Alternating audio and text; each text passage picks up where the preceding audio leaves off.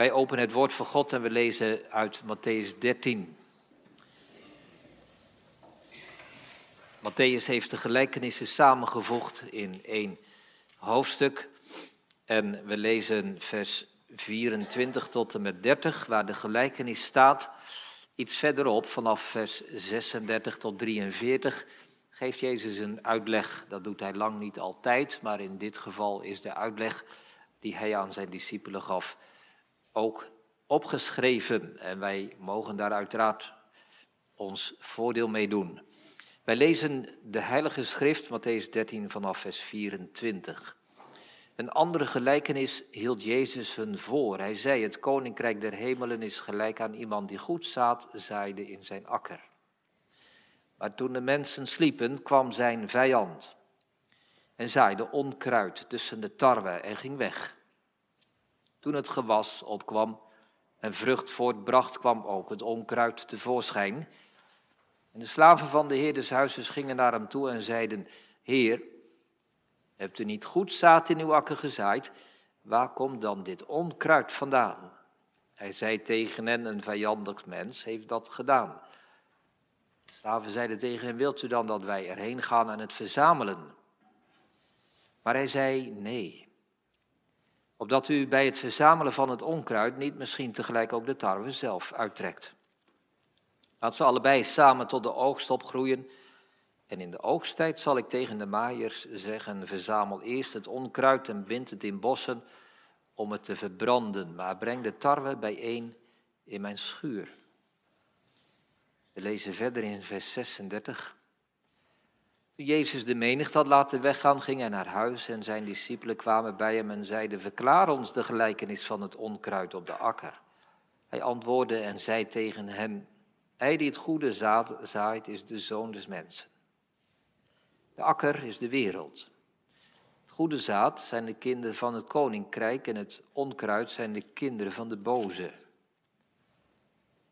De vijand die het gezaaid heeft is de duivel, de oogst is de voleinding van de wereld en de maaiers zijn engelen. Zoals dan het onkruid verzameld en met vuur verbrand wordt, zo zal het ook zijn bij de voleinding van deze wereld. De zoon des mensen zal zijn engelen uitzenden en ze zullen uit zijn koninkrijk verzamelen alle struikelblokken en hen die de wetteloosheid doen. En ze zullen hen in de vurige oven werpen. Daar zal gejammer zijn en tandengeknas. Dan zullen de rechtvaardigen stralen als de zon in het koninkrijk van hun vader. Wie oren heeft om te horen, laat hij horen. Tot zover de schriftlezing. Wij luisteren naar de gelijkenis van Jezus. Ik lees vers 24 nog een keer voor, maar uiteraard gaat het over de hele gelijkenis. Een andere gelijkenis hield hij hun voor. Hij zei: Het koninkrijk der hemelen is gelijk aan iemand die goed zaad zaaide in zijn akker. Thema boven de preek vanmiddag, de wereld is Jezus akker. De wereld is Jezus akker en er zijn drie gedachten om onze aandacht bij te bepalen. Ten eerste de situatie. Dan is eigenlijk het begin van de gelijkenis. Wat is de situatie? Um, eerst komt de ene zaaier, dan komt die andere die s'nachts zaait. Wat wil dat allemaal zeggen? Ten tweede de reactie, en dan denk ik vooral aan de reactie van die knechten, die slaven, die op een gegeven moment ontdekken wat er allemaal gaande is. We staan stil bij hun reactie ten tweede. En ten derde de uitkomst, dat is de oogst. Waar gaat, deze, waar gaat dit alles heen? Naar de oogst die de tweedeling geven zal. De wereld is Jezus' akker, het thema boven de preek. Ten eerste de situatie, ten tweede de reactie, ten derde de uitkomst. Gemeente onze eerste gedachte, de situatie. Laat ik meteen beginnen dat uh, ik aan deze gelijkenis begon in de voorbereiding en dat ik zelf verrast was door wat er stond. Er zijn, denk ik, weinig gelijkenissen van de Heer Jezus in de Bijbel die zo positief en zo bemoedigend, zo hoopgevend zijn als deze gelijkenis.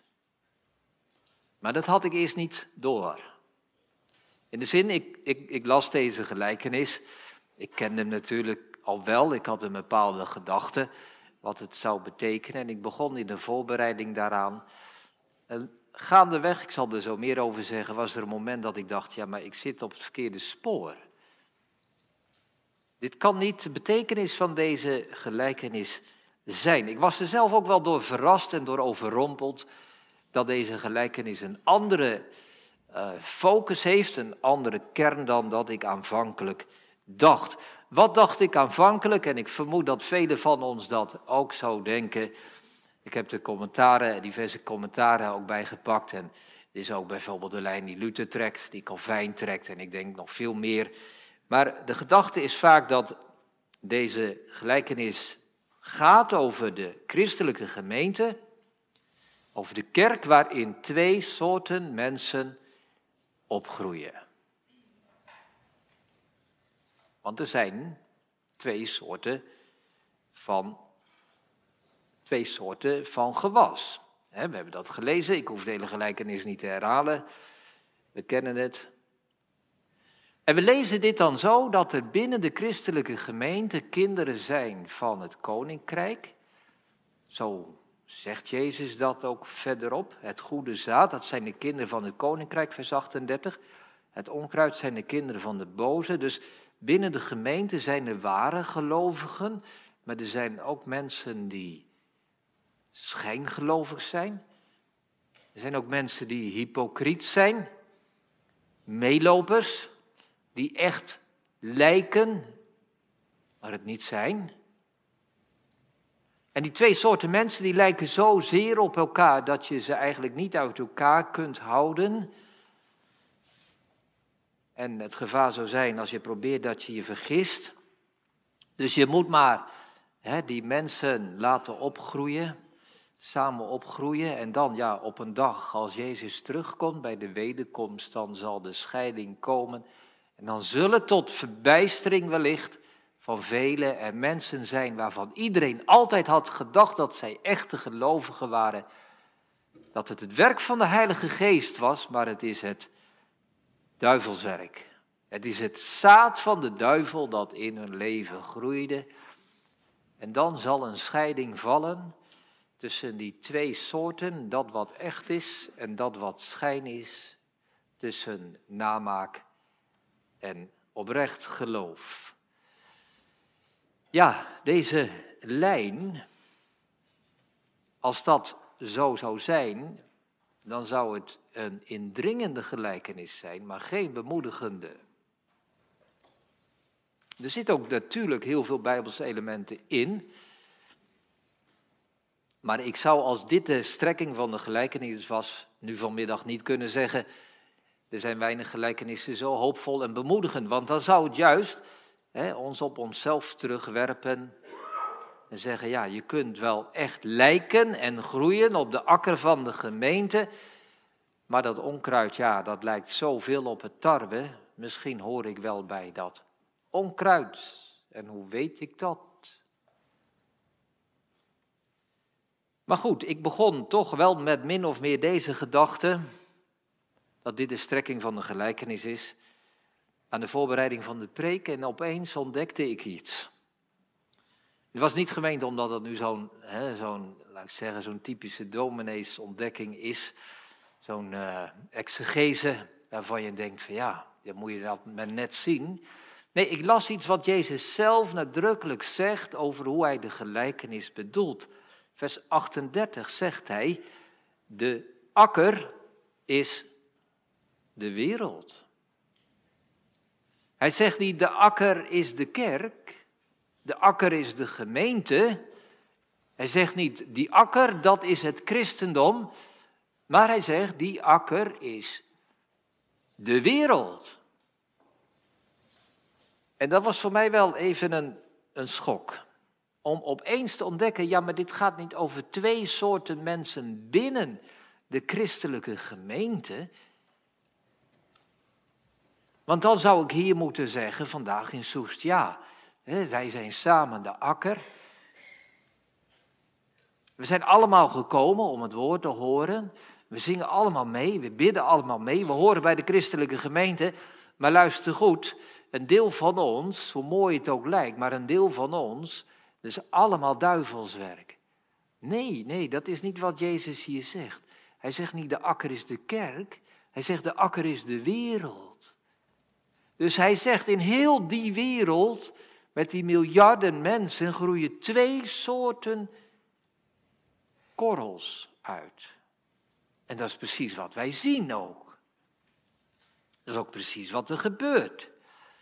Dus het perspectief is niet de christelijke gemeente, dan zouden we moeten zeggen, die grote wereld is sowieso al hopeloos. En binnen de kerk, het zijn er al niet zoveel meer in Nederland die nog op zondagmiddag in de kerk zitten, maar binnen die kerk is het ook nog eens zo dat een deel niet echt is en straks met vuur verbrand moet worden omdat het maar vals en schijn is. Nee, dat zegt hij niet. Het perspectief, gemeente, is veel groter dan alleen de christelijke gemeente die ook nog eens in tweeën moet worden gedeeld. Dus daar moet ik mee beginnen. Wat het niet betekent. Meestal is dat niet zo goed om veel aandacht te geven aan wat het allemaal niet is en wat het niet betekent. Maar ik vind dat ik dat vandaag zeker wel kan doen en moet doen. Anders beginnen wij deze gelijkenis verkeerd te lezen. Dus dat is het eerste, de situatie. De akker is de wereld. Nou, dat is bemoedigend. Dat is bemoedigend. Dat God de wereld op het oog heeft. Niet maar een kleine groep van mensen, maar de wereld. De akker is de wereld. Dus God zaait, de zoon des mensen zaait, strooit het zaad, het goede zaad in deze wereld. En het valt op vele plekken, veel meer plekken dan dat wij doorhebben. Dus gemeente, dat, laat ik daar toch even op terugkomen. Als de akker niet alleen maar de christelijke gemeente is, maar de complete wereld, dan moeten wij zo deze gelijkenis ook gaan lezen. Jezus wil dat punt maken, zeg maar. En als wij dat alleen op ons eigen innerlijk betrekken, dan, ja, dan raak je vast. Dat is heel vaak zo met gelijkenissen. De Heer Jezus wil één punt benadrukken. En als je dan de gelijkenis gaat overvragen, dan kun je vastlopen. Bij deze gelijkenis kun je dan zeggen, ja maar als je eenmaal van het slechte, dat onkruid zou zijn, dan kun je nooit meer het goede tarwezaad worden. En hoe moet dat dan? Ja, binnen deze beeldspraak zou je dat kunnen denken, maar dat is niet het punt wat Jezus hier wil maken. Daar gebruikt hij wel op andere momenten andere gelijkenissen voor. Maar hier gaat hij iets zeggen over het, het grote perspectief van het werk van God in deze wereld.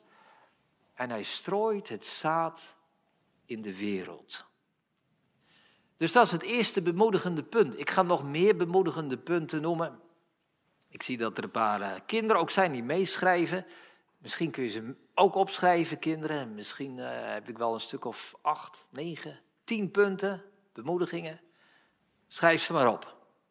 Dit was de eerste. De akker is de wereld. God heeft de wereld op het oog. Tweede bemoedigende punt wat ik in deze gelijkenis zie, is dat het zaad goed is. Vers 24. Koninkrijk der Hemelen is gelijk aan iemand die goed zaad zaaide in zijn akker. De slaven vragen in vers 27, Heer, hebt u niet goed zaad in uw akker gezaaid?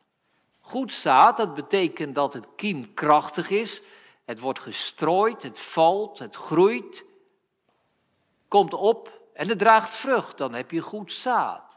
Goed zaad wil ook zeggen dat het zuiver is, dat het niet vermengd is met onkruid, maar echt tarwe is. En waarom is dit bemoedigend? Nou, dat zaad dat is goed en dat draagt vrucht. Aan dat zaad mankeert dus helemaal niets. Het is omdat er in de nacht een vijand komt, zegt vers 25, als de mensen slapen die onkruid strooit. Stel nu dat die vijand dat niet had gedaan. Hoe zag de wereld er dan uit? Stel dat de zoon des mensen zijn zaad strooide en dat de duivel geen onkruid strooide. Dan was de hele wereld vol van tarwe, van goede oogst. Want het is goed zaad. Het is kienkrachtig, het is zuiver. Ik vond dat voor mezelf in ieder geval wel een bemoediging. Ik kan als dominee ook wel eens denken, ik preek en ik preek.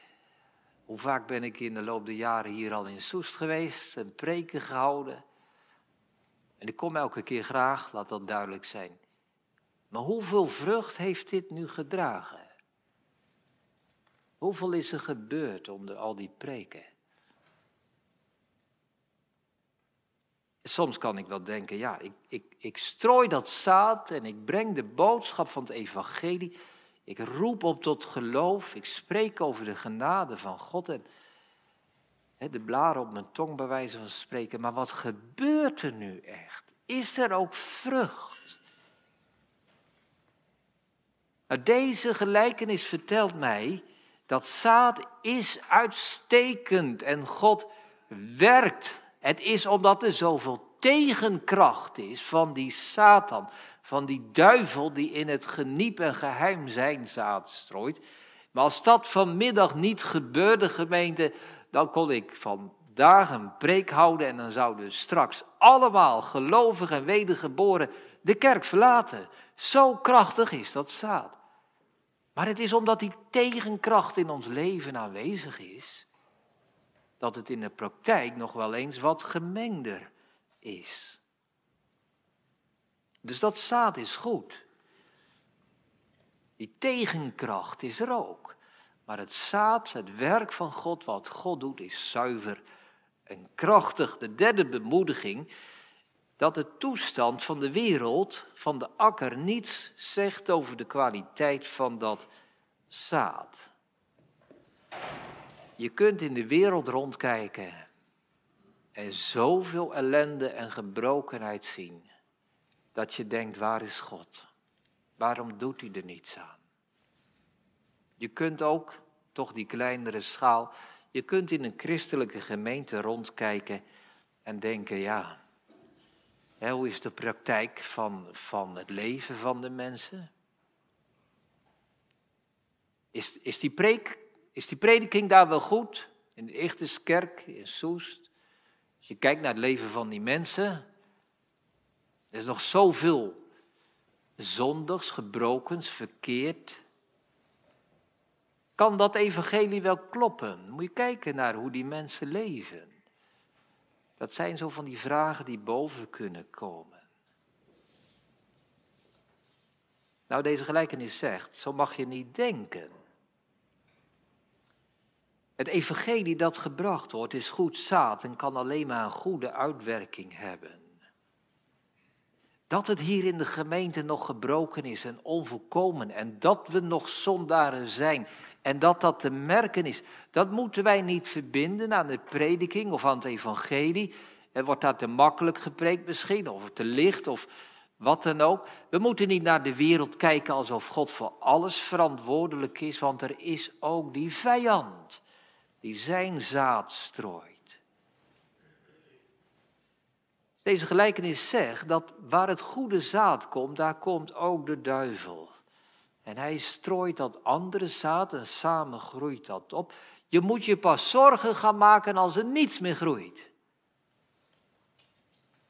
Als er geen goed zaad meer gestrooid wordt, ja dan, dan heeft de duivel er ook geen behoefte meer aan om daar te komen en daar zijn onkruid te strooien. Dus een bemoediging, dat onkruid is het probleem niet. Dat onkruid is het probleem niet. Zolang er maar goed zaad wordt gestrooid, werkt God. En wij moeten niet de kwaliteit van het zaad van Gods evangelie afleiden uit de toestand van de kerk of van de wereld. Vierde bemoediging. Het goede zaad wordt openlijk gestrooid. Het slechte zaad van het onkruid wordt in het geheim, in het geniep in de nacht gestrooid. Dus God werkt op een openbare wijze in de wereld en wij hoeven ons niet te schamen voor de boodschap die wij als christenen voorstaan. Wij mogen er frank en vrij voor uitkomen. Er zit geen dubbele bodem in. Er zit niets geniepigs in. De duivel is geniepig. Hij doet iets zoals de mensen slapen, wat het daglicht niet kan verdragen. Maar God werkt openlijk. God wil dat de wereld tot bloei komt. God geeft zijn evangelie, zodat mensen tot ruimte komen, tot verlossing en bevrijding. Het is de vijand van God die in het geheim en zo mogelijk op een onzichtbare manier wil verwoesten. Vijfde bemoediging, die duivel loopt achter de feiten aan. Hij is altijd te laat. Eerst wordt het goede zaad gestrooid, daarna pas het slechte. Dus die duivel die probeert tegen te houden en die probeert zoveel mogelijk het werk van God in te dammen, maar is altijd te laat. De duivel kan eigenlijk nooit werken, hij kan alleen tegenwerken. Luther zei, de duivel is de aap van God. Hij probeert God na te doen. Maar zonder het werk van God heeft hij geen voorbeeld wat hij kan naapen. De duivel probeert vanuit zijn eigen gezichtspunt dan nog te redden wat er te redden valt. En juist daarmee laat hij zien dat God de eerste is. En God is hem altijd voor. We zien dat telkens in de Bijbel. Denk eens aan het Bijbelboek Handelingen. Eerst wordt de Heilige Geest uitgestort. Dan komen de vervolgingen. Ja. Maar dan is de Heilige Geest al uitgestort. Dan is het werk van God al lang bezig. De Satan kan proberen dat tegen te gaan en hij kan proberen om Saulus van Tarsus in te schakelen. Maar het is te laat. Of denk eens, Oude Testament, denk eens aan David. David werd gezalfd tot koning. Als Saul dat te horen krijgt, probeert hij David te doden. Maar Saul is te laat. Want de zalving van God heeft al plaatsgevonden. Of nog verder terug, helemaal naar het begin van de geschiedenis. De zondeval komt na de schepping. God is het eerst met zijn goede schepping. En daarna komt die zondeval. Maar het is te laat, want het goede heeft al zijn begin gekregen. Nou gemeente, het is de toestand, onze eerste gedachte. Laat zien wat de situatie is wanneer die twee personen het zaad hebben gestrooid. De een overdag, de ander in de nacht. De ene goede zaad, de ander slechte zaad. De ene tarwe, de ander onkruid. En die knechten, die slaven, die ontdekken dat. Ten tweede, de reactie. De knechten ontdekken na verloop van tijd dat er onkruid is gestrooid. En ze zijn geschokt. Ze gaan naar hun heer en ze zeggen, heer, hoe kan dat? Hebt u niet goed zaad in uw akker gezaaid? Waar komt dit vandaan? Hij zegt tegen hen, een vijandig mens heeft dat gedaan. En dan komt hun opmerking, hun reactie. Wilt u dan vers 28 het einde, wilt u dan dat wij erheen gaan en het verzamelen? Nou, begrijpelijke reactie. Je wilt toch niet zo'n akker hebben waar onkruid en koren samen opgroeit, door elkaar heen staan? Dat wil je niet. En toch, en toch zegt de Heer van de akker, nee, nee, laat maar staan, niet doen. Waarom zegt hij dat? Nou, allereerst dit gemeente, er staat een, uh, een woord in de grondtaal, in het Grieks, zizania. De naam van dat onkruid is zizania en dat is een plantje wat eigenlijk twee belangrijke eigenschappen heeft binnen deze gelijkenis. Ten eerste is het, zeker als het klein is, is het een plantje wat op die graan, die tarweplantjes lijkt. Dus als je dat eh, bekijkt, en je bent niet heel deskundig, dan, dan zie je dat verschil niet. Maar dat is nog niet eens het belangrijkste, want hè, het groeit op en ze zien wel degelijk dat er onkruid tussen groeit. Het tweede is zeker zo belangrijk. De wortels van die Sisania, die onder de grond, die verspreiden zich en die grijpen zich vast als het ware aan de wortels van die andere plantjes. Dus ondergronds komt er een verstrengeling tussen de wortels van de tarwe en van het onkruid. Als je dan gaat trekken, ja, dan snap je wat er gebeurt. Je trekt aan dat ene onkruidplantje, waarvan je misschien wel zeker weet dat het geen tarwe is, maar onkruid. En toch trek je het tarwe eruit. Nou, wat is dit een sluw en gemeen plan van die vijand? Dat hij precies dit kruid van het Sisania gebruikt. Want hij kent de ijver van die, uh, van die slaven, van die knechten. Hij weet dat ze hun eigen Heer goed gezind zijn. En hij heeft dit plan bedacht met de bedoeling dat zij voor hem gaan werken. Hij stuurt niet de wilde dieren op die akker af om alles te verwoesten. Hij stuurt niet in de nacht zijn eigen duivelse knechten naar de akker om daar de boel kapot te maken. Maar, maar hij laat de dienaars van de zoon des mensen ijverig zijn voor hun Heer en Meester. Hij schakelt hen in om de oogst te voorkomen. Hij kent hun ijver en hun inzet. Hij weet dat ze gewillig zijn. Hij denkt, als zij dat nu doen, als zij die Cisania er nu uit gaan trekken, dan slaagt mijn plan. Nou gemeente, dat kan dus, hè?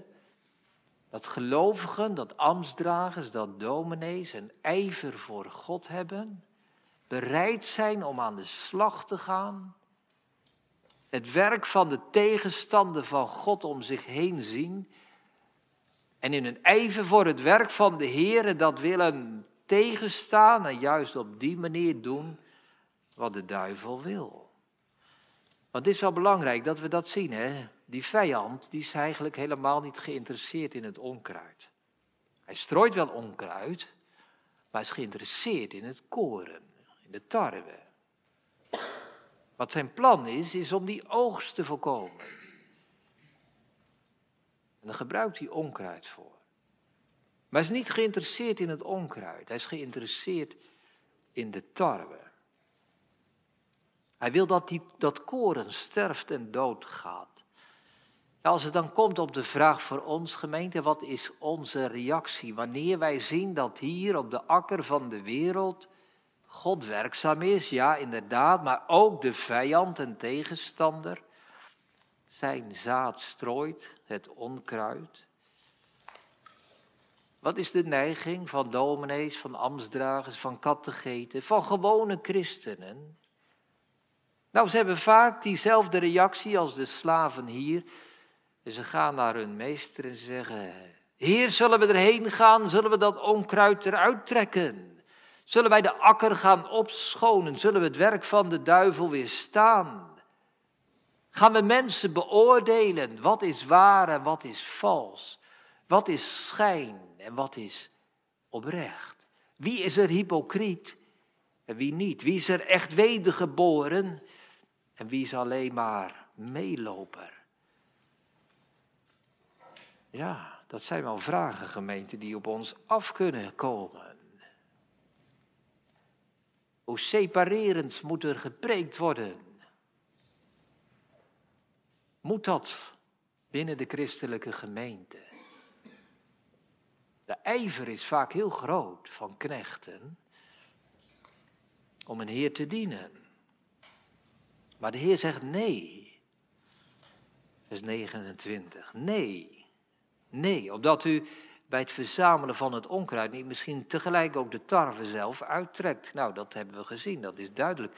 Laat ze samen opgroeien, zegt hij vers 30. Laat ze allebei samen tot de oogst opgroeien. En dan in de oogsttijd zal ik tegen de maaiers zeggen, verzamel eerst het onkruid en bind het in bossen om te verbranden. Dus hij zegt, Al zouden jullie je niet eens vergissen, al zijn jullie deskundig genoeg om te zien wat tarwe is en wat onkruid, nog steeds afblijven, niet aanzitten. Laat het samen maar opgroeien, want ik wil niet dat je door aan het een te gaan trekken ook het ander meeneemt. Zelfs als we het goed zien, afblijven. Nou, dat is weer een bemoediging. Kinderen, hoeveelste is het? Vierde? Ik dacht dat ik iets verder was. Vijf of zes misschien al. Tien? Nee, vijf. Nou ja, volgens mijn rekening zitten we op zes. Um, zesde bemoediging. Blijkbaar heeft het goede zaad niet zoveel last van het onkruid als wij vaak denken. Dat is er een om te onthouden. Blijkbaar heeft het onkruid niet zoveel last van het, heeft het goede zaad niet zoveel last van het onkruid als wij vaak denken. Die Heer zegt, laat maar opgroeien, samen. Dat koren redt het wel. Dat koren blijft wel leven. Ja, het is waar, je kijkt naar die akker en je ziet daar een wilde bedoeling misschien. Allemaal onkruid, links en rechts schiet het omhoog. Misschien groeit het wel harder, misschien wordt het wel hoger. Maar dat koren redt het wel. Wat betekent dat gemeente? Wel dat wij hier in de, in de kerk als christenen in de wereld, wij hoeven ons niet terug te trekken, omdat anders de kerk het niet zal overleven. Wij hoeven niet bang te zijn dat het allemaal fout gaat en dat we doodgaan als christenen in deze vijandige wereld. Nee, dat koren dat redt het wel. Het koren overleeft. Het is blijkbaar sterker en levenskrachtiger dan wij vaak zouden denken, dan dat die knechten denken. De zonesmensen schat dat zelf wel goed in. Laat maar samen opgroeien. Het koren overleeft het. Het is taaier dan wij vaak zouden denken. Er staat in de Bijbel, hij die dat goede werk in u begonnen heeft, zal het ook voleindigen tot op de dag van Jezus Christus. Dat is een belofte. Het geloof dat God werkt door de prediking van het woord, dat is veel sterker en krachtiger dan wij vaak vermoeden. En dat is niet omdat wij zo'n sterk geloof hebben, maar omdat God voortdurend met zijn Heilige Geest dat geloof in ons levend houdt. Luther zegt het is als een bron, die blijft maar doorstromen, die blijft maar doorgaan. Zo is het geloof. Het is als de polslag, zegt hij. Je voelt hem. De levenskracht blijft door het lichaam stuwen. Dat hart dat klopt. En het leven gaat door en elke nieuwe hartslag is een nieuw bewijs van leven. Zo werkt God. Dus dat is een bemoediging, gemeente. Dat wij niet zo bang hoeven te zijn voor al het onkruid dat er in de wereld groeit en al het werk dat de duivel in de wereld doet. Want God staat wel garant voor zijn eigen werk en het koren redt het wel. Zevende bemoediging. Wij hoeven niet zo vreselijk veel te doen als wij vaak denken. Wat moesten die knechten doen? Ja, er staat verder in deze gelijkenis geen enkele taak voor die slaven. Ze wilden wel, maar wat zij wilden was niet nodig. Laat maar opgroeien. Wij kunnen zo bezorgd zijn. We willen zo graag schoffelen en wieden en onkruid trekken. Wij keuren zo vaak, wij oordelen, wij veroordelen, wij beoordelen. We kunnen als ambtsdragers de neiging hebben om te zeggen, ja, ik moet toch weten wat de geestelijke staat voor alle mensen is, anders ben ik geen goede ambtsdrager. Wij hoeven niet zoveel te doen. Laat maar gebeuren. De andere gelijkenis zegt Jezus in Marcus 4, waar hij ook dat beeld gebruikt van het strooien van het zaad. De zaaier strooit het zaad, het groeit en hij weet zelf niet hoe. Dat vind ik een prachtige uitspraak. Het groeit, wij weten niet hoe, maar het groeit wel. Het groeit wel. Die oogst die komt. Wij hoeven daar niet aan te doen. Het hangt niet van onze inspanning af. Het hangt niet van onze zorgen af en bezorgdheid. Wat moeten die knechten doen? Wat is de reactie die de, die de Heer van ons vraagt? Nou, laten we maar vertrouwen dat het zaad goed is. Dat het werk dat God aan het doen is, goed is.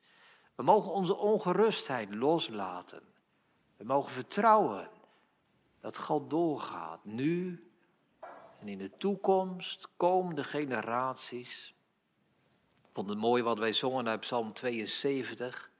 Ook zal eeuw in, eeuw uit het nageslacht zijn grootheid zingen. Misschien dat we als ouders, als grootouders bezorgd kunnen zijn over onze kinderen en kleinkinderen. Hoe gaat dat toch? De duivel gaat rond als een briesende leeuw, zoekende wie hij zal verslinden. Ja, maar er staat de bemoediging. God gaat wel door en die oogst die komt en het is echt niet zo van onze inzet afhankelijk.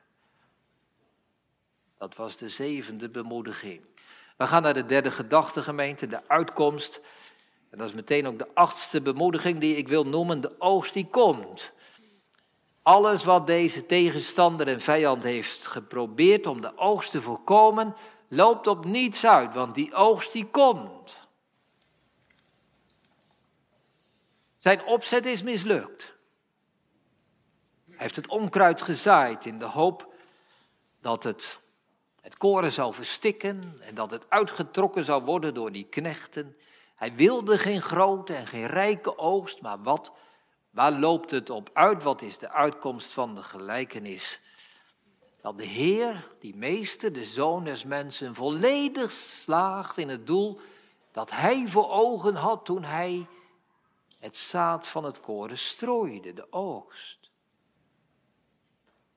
Denk eraan, gemeente, opnieuw. Hè? Het gaat die vijand helemaal niet om het onkruid, het gaat hem om het koren. Het gaat hem beide.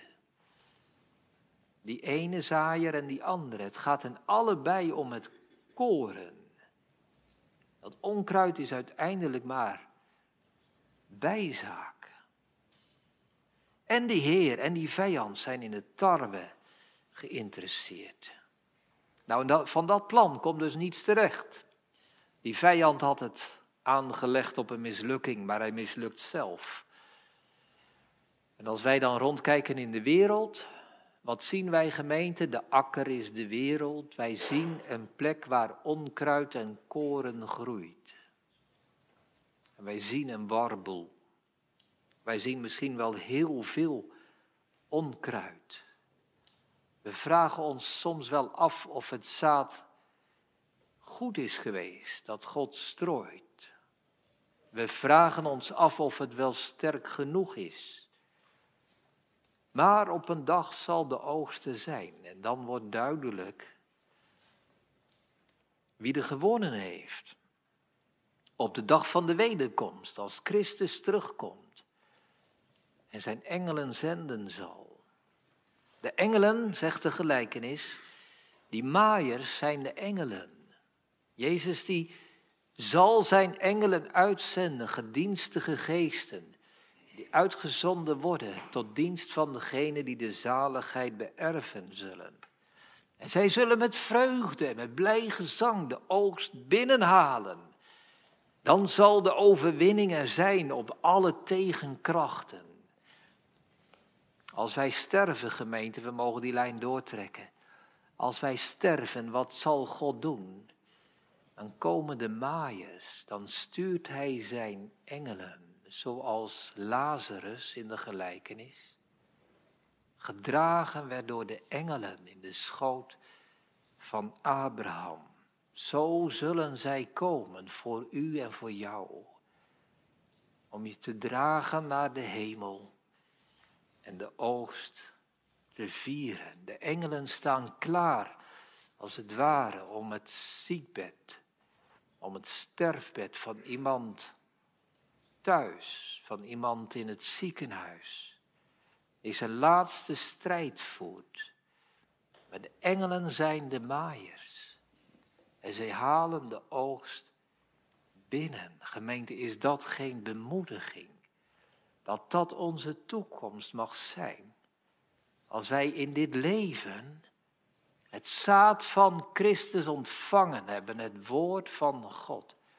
Als dat is gaan ontkiemen en groeien, dan zullen de engelen komen. En dan zal die dood, die voor ons nu misschien wel angstaanjagend lijkt, een vreugdedag zijn. De engelen zullen met gejuich ons binnenhalen. Om bij God te zijn, bij Jezus te zijn in het eeuwige leven. Wat een bemoediging. De tiende bemoediging, de laatste. Waar eindigt deze gelijkenis mee met die woorden van vers 43? Dan zullen de rechtvaardigen stralen als de zon in het koninkrijk van hun vader. Die oostgemeente is onze toekomst. Onze toekomst. Ieder die nu mag geloven, zal stralen als de zon. Het zal zo heerlijk en groot zijn wat God heeft weggelegd en bereid voor degenen die Hem vrezen. Als dit ons leven mag zijn, is dat het einde, de toekomst en de heerlijkheid, de oogst van de Zoon des Mensen. Tien bemoedigingen. Ik kan me voorstellen, gemeente, dat je ze niet alle tien onthoudt. Hoeft ook niet. Hoeft ook niet. Maar probeer er wel. Laten we zeggen drie. Of twee. Of desnoods. één echt te onthouden. En dan zeg ik het niet goed genoeg. Probeer er één werkelijk als een bemoediging mee te dragen. Want ik heb deze preek gehouden vandaag om u en om jou te bemoedigen. Laat je bemoedigen. Laat je bemoedigen. Er is zoveel wat ons bezorgd kan maken. Er is zoveel in de wereld wat ons aftrekt en neerdrukt. Tien bemoedigingen. Laat er één zijn waarvan je zegt, daar wil ik mij, daar zal ik mij de komende tijd vasthouden. Hiermee wil ik mijzelf bemoedigen. Hiermee wil ik bemoedigd worden door de Zoon des Mensen door Jezus zelf, die deze gelijkenis toen gesproken heeft en ook nu. Wat was zijn bedoeling toen hij die woorden sprak? Hij wil ons bemoedigen. Laten wij ons bemoedigen met de woorden van onze Heer, zodat we straks naar huis gaan, bemoedigd, met het hoofd omhoog, met het uitzicht en het perspectief van deze God die de wereld op het oog heeft en die zich door geen vijand en geen tegenkracht zal laten overwinnen. Ja, zegt die man, maar dat onkruid dan? Dat onkruid dan, dat met vuur verbrand wordt. Ja, gemeente, dat onkruid. Het gaat niet over het onkruid. Het gaat over het koren. En ik weet het, we kunnen allerlei vragen stellen, maar hoe zit dat dan met mensen, geliefden nu, die niet geloven? Zal ik ze missen? Zal ik verdriet hebben in de hemel? Ik kan alle antwoorden niet geven en zeker geen pasklare antwoorden, maar dit zie ik wel in deze gelijkenisgemeente. Het gaat niet over het onkruid, het gaat over het koren. En ook dat mag een bemoediging zijn. Nu wordt het zaad nog gestrooid. Nog steeds werkt God. Nog steeds komt er koren bij. En we mogen verwachten en uitzien dat ook mensen om ons heen gebracht worden bij dit koninkrijk. Het deel zullen uitmaken van de heerlijke oogst. En dat ook zij eenmaal zullen stralen als de zon. Amen.